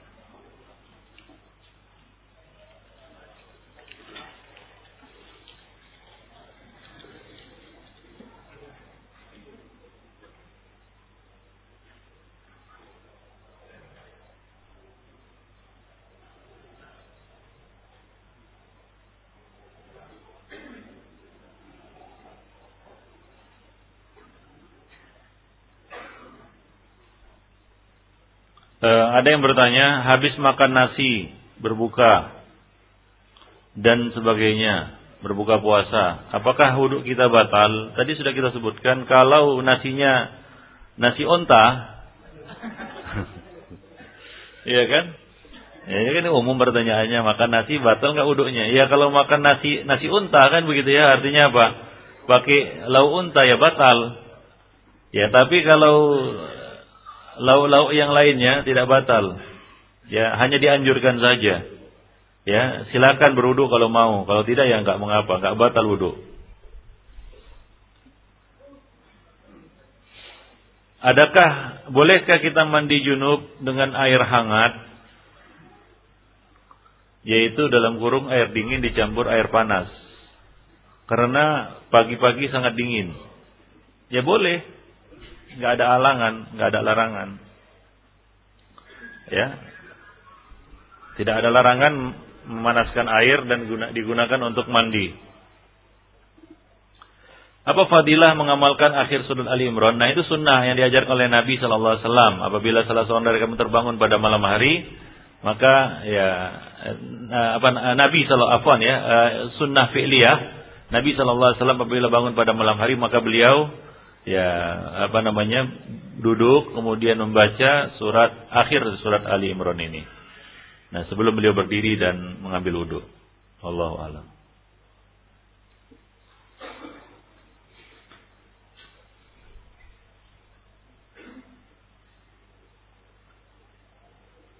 Apa tetap wajib membaca bismillah ketika akan berwudu atau ketika akan mandi wajib yang dilakukan di dalam kamar mandi? Ya wajib. Gak mungkin baca bismillahnya di luar kemudian baru masuk. Ya. Ya, baca bismillahnya di dalam. Ya. Nggak, salah kalau untuk mengamalkan baca bismillahnya di luar kemudian baru buka baju di dalam mandi. Tidak. Nah, itu kan zikir ya. Antum tidak sengaja untuk berzikir. Yang dalam sengaja untuk berzikir. Mengamalkan zikir la ilaha illallah, abdul zikri la ilaha illallah. Antum baca waktu buang buang hajat. Nah, ini salah. Tapi zikir-zikir yang harus dibaca Misalnya masuk kamar mandi, keluar kamar mandi, kan begitu ya? Ya itu dibaca. Mau wudhu kita baca bismillah. Nah demikian. Ya dibaca. Karena kita tidak sengaja untuk berzikir pada saat itu.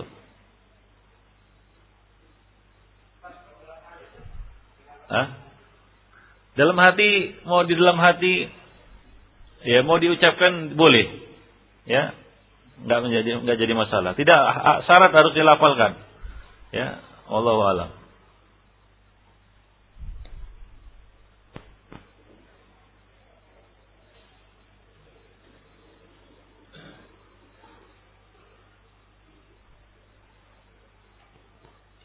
Bagaimana jika saya ragu, sudah tidur atau belum? Karena ngantuk. Ya, bangun di atas keyakinan. Yakinnya tidur atau nggak tidur? Ya. Bangun atas ke keyakinan kita. Nah, soalnya tentu lebih tahu kondisinya. Dia tidur atau tidak tidur. Ya, cara membedakannya adalah atau cara untuk menentukannya adalah apakah dia masih sadar? Ya, sekali sekitarnya. Ya. Kalau dia masih sadar apa apa yang ada di sekitarnya maka dia belum tidur. Itu hanya ngantuk berat. Ya, dia tidak perlu berwudu. Nah, tapi kalau dia tertidur artinya dia memang sudah lupa, bangun lupa, ya, nggak tahu apa yang terjadi sebelumnya. Ini namanya sudah tertidur. Ya, atau pernah merasakan kondisi seperti itu? Antum ngantuk kan, tertidur, bangun macam orang bengong kan begitu ya. Lupa dia. Wah, jam berapa nih gitu ya. Nah demikian. Tapi kalau antum misalnya nih di dalam khutbah Jumat lah kita katakan ya, sebagian orang terkantuk-kantuk. Nah sebagian orang ada yang memang ya kita katakan ngantuk berat gitu ya, tapi dia masih ingat. Ya walaupun khotib itu dia ya, yang dia dengar dari khotib itu hanya cuma apa namanya Korong nggak ngerti apa yang diucapkan kan begitu ya. Tapi dia belum tidur. Ya, belum tidur. Hanya ngantuk berat dia apa namanya? Dia dengar sayup-sayup ya suara si khatib ini. Tapi dia tidak bisa memahaminya. Kadang-kadang seperti itu ya. Tapi dia nggak paham. Dengan orang yang tertidur, ya tertidur dia terpejam, tidur dia, bangun nggak tahu dia apa yang terjadi. Ya. Nah, nah ini sudah tidur artinya. Nah, itu demikian. Wallahu alam.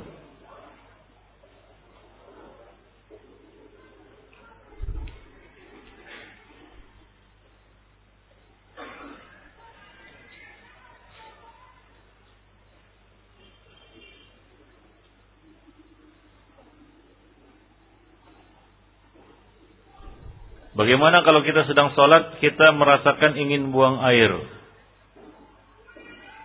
Buang air besar atau buang air kecil? Tersesak. Apakah sholat kita tidak sempurna? Ya, ya Nabi Wasallam memerintahkan kita untuk apa namanya menuntaskan hajat ini.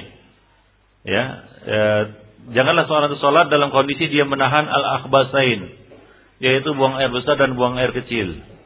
Jadi hendaklah dia tuntaskan dulu hajatnya, kemudian dia kembali mengerjakan sholat. Nah kesempurnaan sholatnya tentu terganggu, ya kurang. Kenapa? Karena kekhusukannya juga akan akan hilang. Ya ketika dia menahan buang air besar dan buang air kecil tersebut. Ya, hampir bisa dipastikan orang yang menahan buang air besar dan air kecil itu tidak bisa menggunakan akal sehatnya. Karena yang ada di dalam benaknya hanya satu saja. Apa itu? Di mana WC yang terdekat kan begitu? Ya. Mana teringat lagi tafsir Al-Fatihah kan begitu ya? ah, anda teringat lagi itu. Yang teringat adalah di mana WC yang paling paling dekat. Sudah ke situ aja pikirannya itu. Ya, kalau nggak percaya cobalah.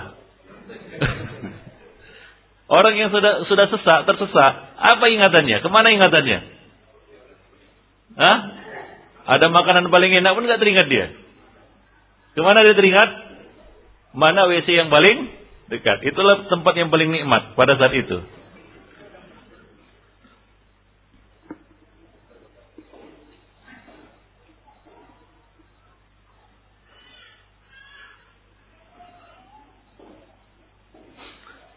Sampai di masjid azan selesai.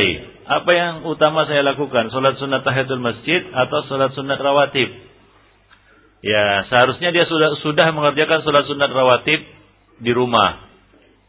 Ya, dia kerjakan dulu di rumah salat sunat rawatib ini, kemudian dia datang ke masjid. Kalau masih ada waktu untuk salat, dia salat tahiyatul masjid. Kalau tidak ya langsung salat fardu. Ya, nah demikian. Karena sholat sunat rawatib ini dianjurkan untuk dikerjakan di rumah, bukan di masjid. Nah, kalau kondisinya dia belum sholat sunat rawatib, nah dia boleh menggabungkan antara keduanya. Jika dia tahu kondisinya tidak memungkinkan untuk mengerjakan dua-duanya dalam apa dalam kondisi terpisah. Ya, artinya dia sholat tahiyatul masjid dulu, setelah itu sholat rawatib. Jika tidak memungkinkan itu, maka dia boleh menggabungkan antara keduanya dalam satu sholat. Wallahu a'lam.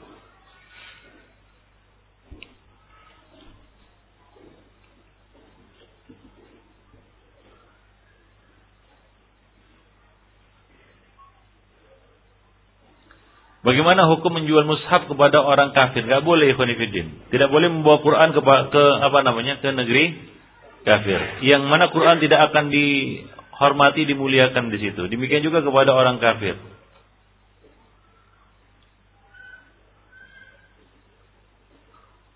Bolehkah menyentuh jenazah yang bukan mahramnya? Ya tidak boleh ikhwanifidin. Ya karena mukmin itu muslim itu apa namanya apa namanya uh, terhormat dia, ya mulia dia, baik hidup maupun mati. Ya, sebagaimana si mayit ini mungkin tak mau disentuh oleh yang bukan mahramnya waktu hidupnya, maka jangan disentuh oleh yang bukan mahramnya setelah matinya. Nah, kecuali dalam kondisi yang darurat, ya tidak ada mahram yang memandikannya atau mengurus jenazahnya, nah ini kondisinya darurat. Wallahu alam.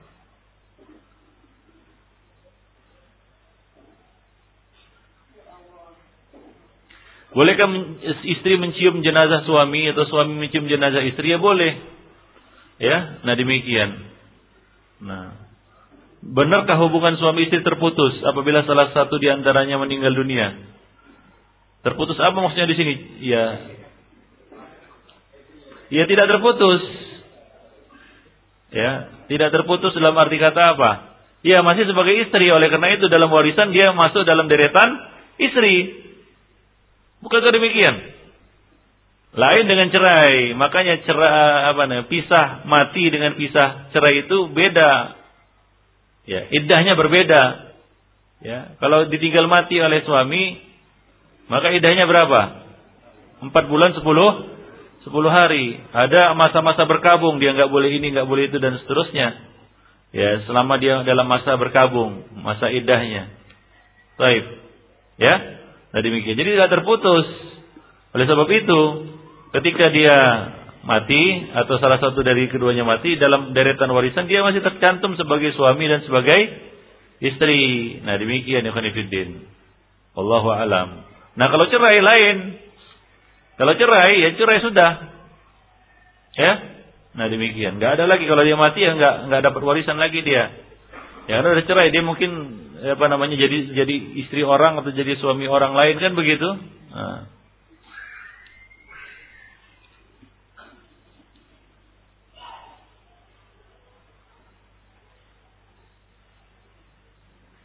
Bolehkah kita menjawab salam sedang kita lagi di kamar mandi atau WC? Ya, ahsannya tidak. Karena Nabi SAW menangguhkan jawaban salam yang diucapkan kepada beliau hingga beliau menyelesaikan hajat dan bertayamum. Waktu itu Abu Hurairah ya kisahnya, ya mengucapkan salam kepada Nabi, Nabi tidak menjawabnya karena beliau lagi buang hajat. Nah kemudian beliau selesai dari buang hajat, beliau bertayamum baru menjawab salam. Karena Nabi kemudian Nabi mengatakan, sesungguhnya aku tidak suka, ya apa namanya berzikir dalam keadaan ya apa namanya tidak tidak suci. Nah, wallahu alam.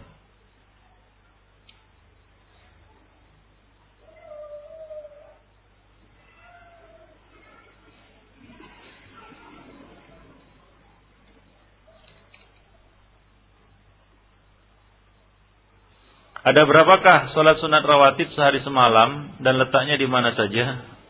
Ya, ada eh, sepuluh ya, sepuluh rakaat yaitu dua rakaat apa namanya eh, delapan rakaat ya ya dan dua belas rakaat.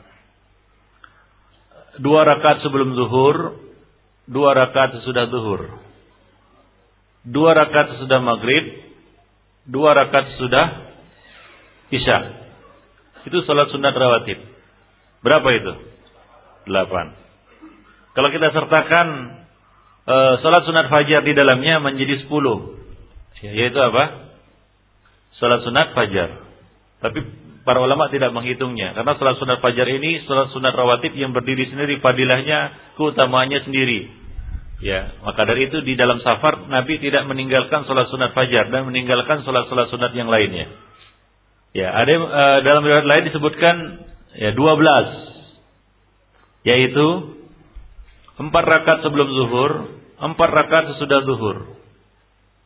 Empat rakaat sebelum zuhur, empat rakaat sesudah zuhur. Kemudian dua rakaat sesudah maghrib, dua rakaat sesudah isya. Berapa?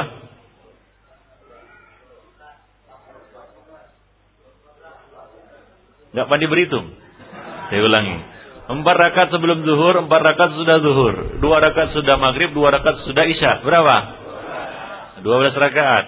Maka dalam riwayat ada yang mengatakan delapan, ada yang mengatakan dua belas. Nah, yang 12 ini juga keluar darinya apa? Salat sunat fajar.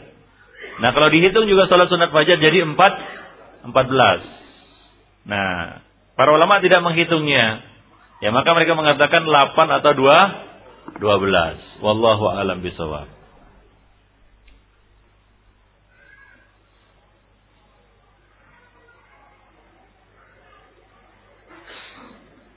Bolehkah seorang ikut menguburkan jenazah ke dalam liang kubur padahal sebelumnya orang tersebut telah melakukan jima?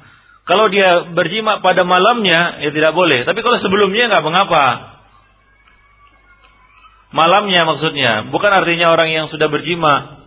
Ya, maksudnya malamnya dia adalah berjima, walaupun dia sudah mandi junub, maka dia tidak boleh masuk ke liang kubur. Ya, yang lain. Ya, kalau semalam, uh, kalau kemarin dua hari yang lalu, tiga hari yang lalu tidak jadi masalah. Nabi mengatakan malam, malam tadi malam. Nah demikian. Hari itu maksudnya. Yang bernyimak pada hari hari itu. Misalnya si mayit akan dikuburkan hari ini. Nah, tadi malam siapa yang berjima? Nah, dia nggak boleh masuk ke liang kubur. Itu maksudnya. Tapi kalau malam Jumat kemarin ya nggak apa-apa.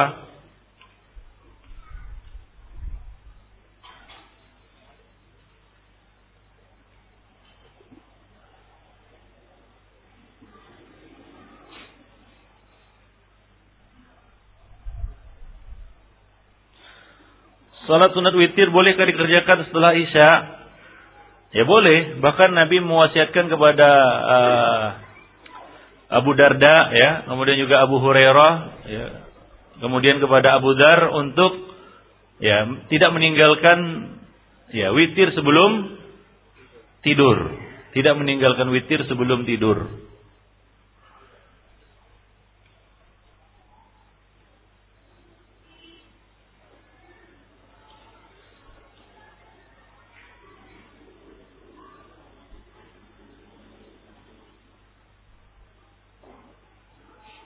Ustaz, apakah ini hadis suami suami istri itu surganya terletak di kaki suami?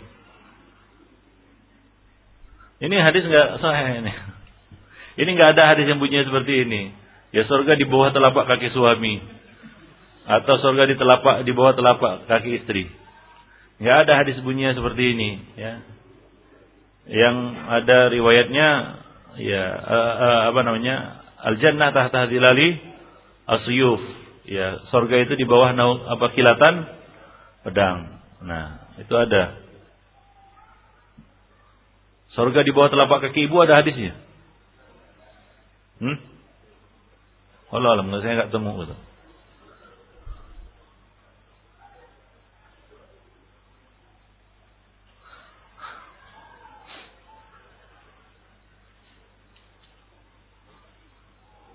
Bolehkah akikah sesudah umur dewasa, umur sudah tua, ini tidak disebut akikah. Ya, secara syar'i tidak disebut akikah karena akikah Nabi membatasinya dengan waktu 7, 14, 21. Ya, hari sudah kelahiran. Ya, eh, apa namanya? Eh, apa 7, 14, 21 ya. Setelah lahir. Hari ketujuh, afwan hari ketujuh, hari ke-14, hari ke-21. Ya. Nah, itulah yang disebut apa? Akikah. Nah, selain itu tidak disebut akikah. Ia disebut sebagai albir, kebaikan yang sifatnya mutlak. Antum menyembelih kambing, memberi makan kepada orang-orang itu sedekah, kebaikan. Ya, kalau mau lakukan ya lakukan, tapi itu bukan disebut akikah. Nah, akikah itu bukan kewajiban orang itu, tapi kewajiban orang tuanya. Kalau belum dilakukan, ya gugurlah atasnya kewajiban itu. Ya, dia tidak tertuntut untuk mengakikahi dirinya sendiri. Nah demikian konfidin. Adapun perbuatan Nabi itu lebih kepada kekhususan, keistimewaan, keistimewaan Nabi. Nabi pernah mengakikahi dirinya ketika beliau dewasa. Hadisnya sahih.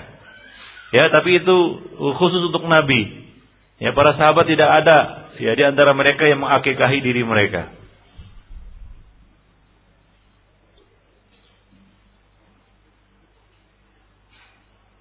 Apakah orang yang kurang akal atau idiot mendapatkan warisan? Ya dapat warisan.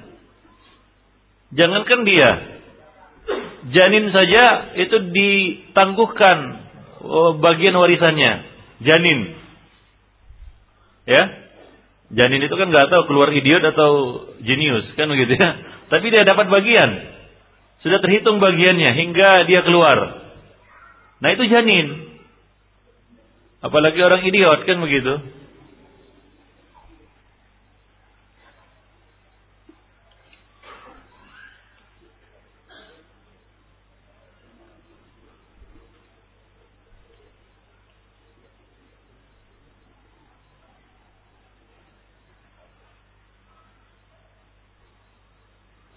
Ketika kita mencium mayit, air mata kita menetes kena muka atau pipi si mayit.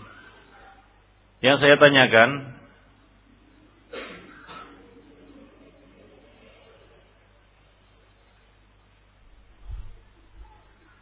Yang saya dengar katanya membatalkan wudhu si mayit. Benar atau tidak? Ya nggak benar ini. Ya nggak benar. Dan dia kalaupun batal wudhunya, gimana dia batal wudhunya? Nggak ngerti juga. Mayit sudah selesai dia, dia gak mukalaf lagi, mau beruduk mau gak beruduk itu bukan urusan dia.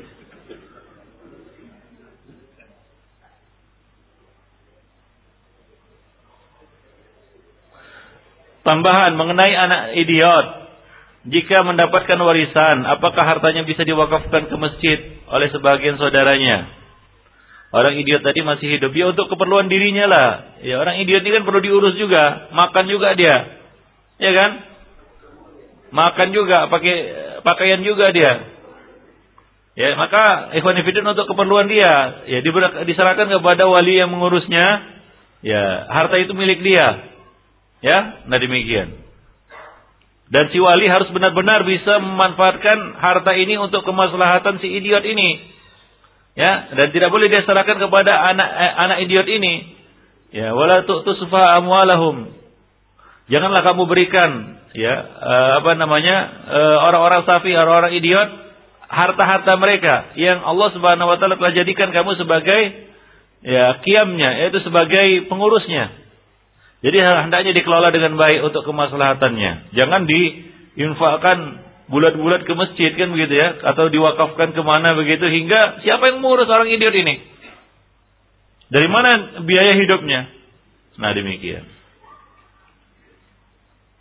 Apa hukumnya ketika saudaranya mewakafkan harta warisan miliknya? Wah ini ya ya apa namanya? Ini tidak amanah berarti ya. Nah demikian, tidak amanah. Ya, sementara harta seperti itu harus dikelola dengan baik. Satu, jangan sampai habis termakan zakat. Ya. Jangan sampai habis termakan zakat. Misalnya seorang idiot dapat warisan satu miliar. Ya kan? Jangan harta ini habis hanya untuk dikeluarkan zakatnya saja nantinya. Hendaknya dia putar, dikelola oleh walinya. Oleh orang yang mengurusnya, pengelolanya. Hingga bermanfaat, bermaslahat bagi orang idiot ini. Nah tidak boleh dia serahkan satu miliar ini, nah ini untuk infak fisabilillah. Lalu bagaimana ngurus orang idiot ini? Apakah dia nanti ah udahlah ini apa nak laskar tak berguna masukkan aja panti jompo. Kan tidak demikian. Masuk panti jompo pun bayar kan begitu. Nah, akhirnya sebagian orang mempas, memasungnya kan begitu ya atau ya membiarkannya terlantar seperti itu. Nah, jadi hendaklah digunakan sebaik-baiknya untuk maslahat orang idiot ini. Nah demikian. Ya, jadi termasuk ya, sikap yang tidak amanah itu diserahkan kepada e, misalnya diinfakkan ataupun dia gunakan untuk hal-hal yang tidak ya kembali maslahatnya kepada orang tersebut, orang idiot itu. Kecuali orang idiot ini mati kan begitu ya. Nah, ya bolehlah hartanya diwakafkan ataupun untuk kemaslahatan dia disedekahkan.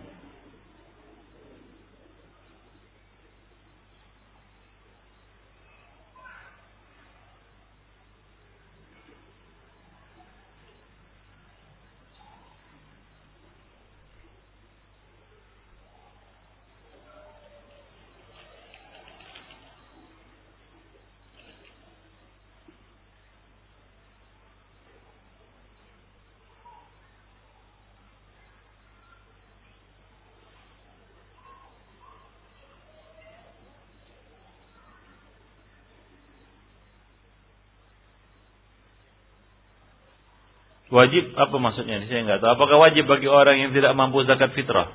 Untuk apa?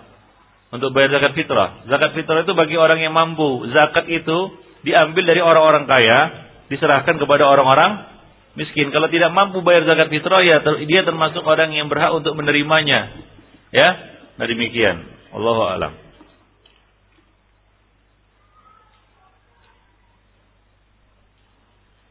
Bagaimana sikap kita apabila ada keluarga yang mengundang acara ulang tahun agar tidak menimbulkan mudarat?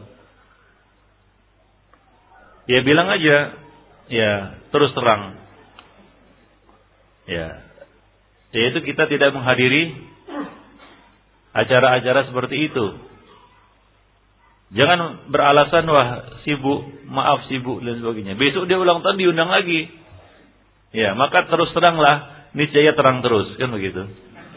Ya, ya kalau kita jelaskan di awal, ya sudah besok tahun depan kan ulang tahun lagi itu kan. ya kan? Nah, dia nggak undang lagi, udah ngerti dia, Wah, si fulan. Cuma cara menyampaikannya harus tepat. Ya, jangan apa namanya, jangan uh, kita katakan dengan kasar ya, dengan uh, fonis atau lain sebagainya. Ya.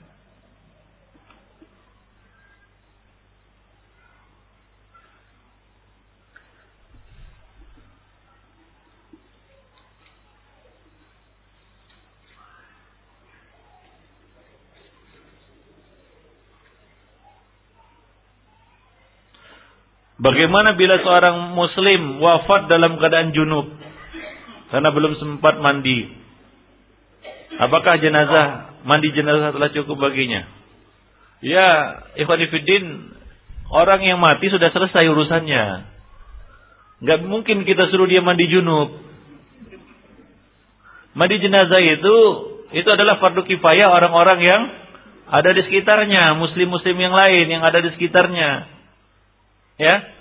Jadi mau ada terangkat janabahnya, junubnya atau tidak, itu sudah selesai urusannya, sudah terputus dia. Kita mata ibnu Adam, kata Nabi, ingkota ingkota anhu sairu amalihi. Sudah terputus seluruhnya, kecuali dari tiga perkara tadi.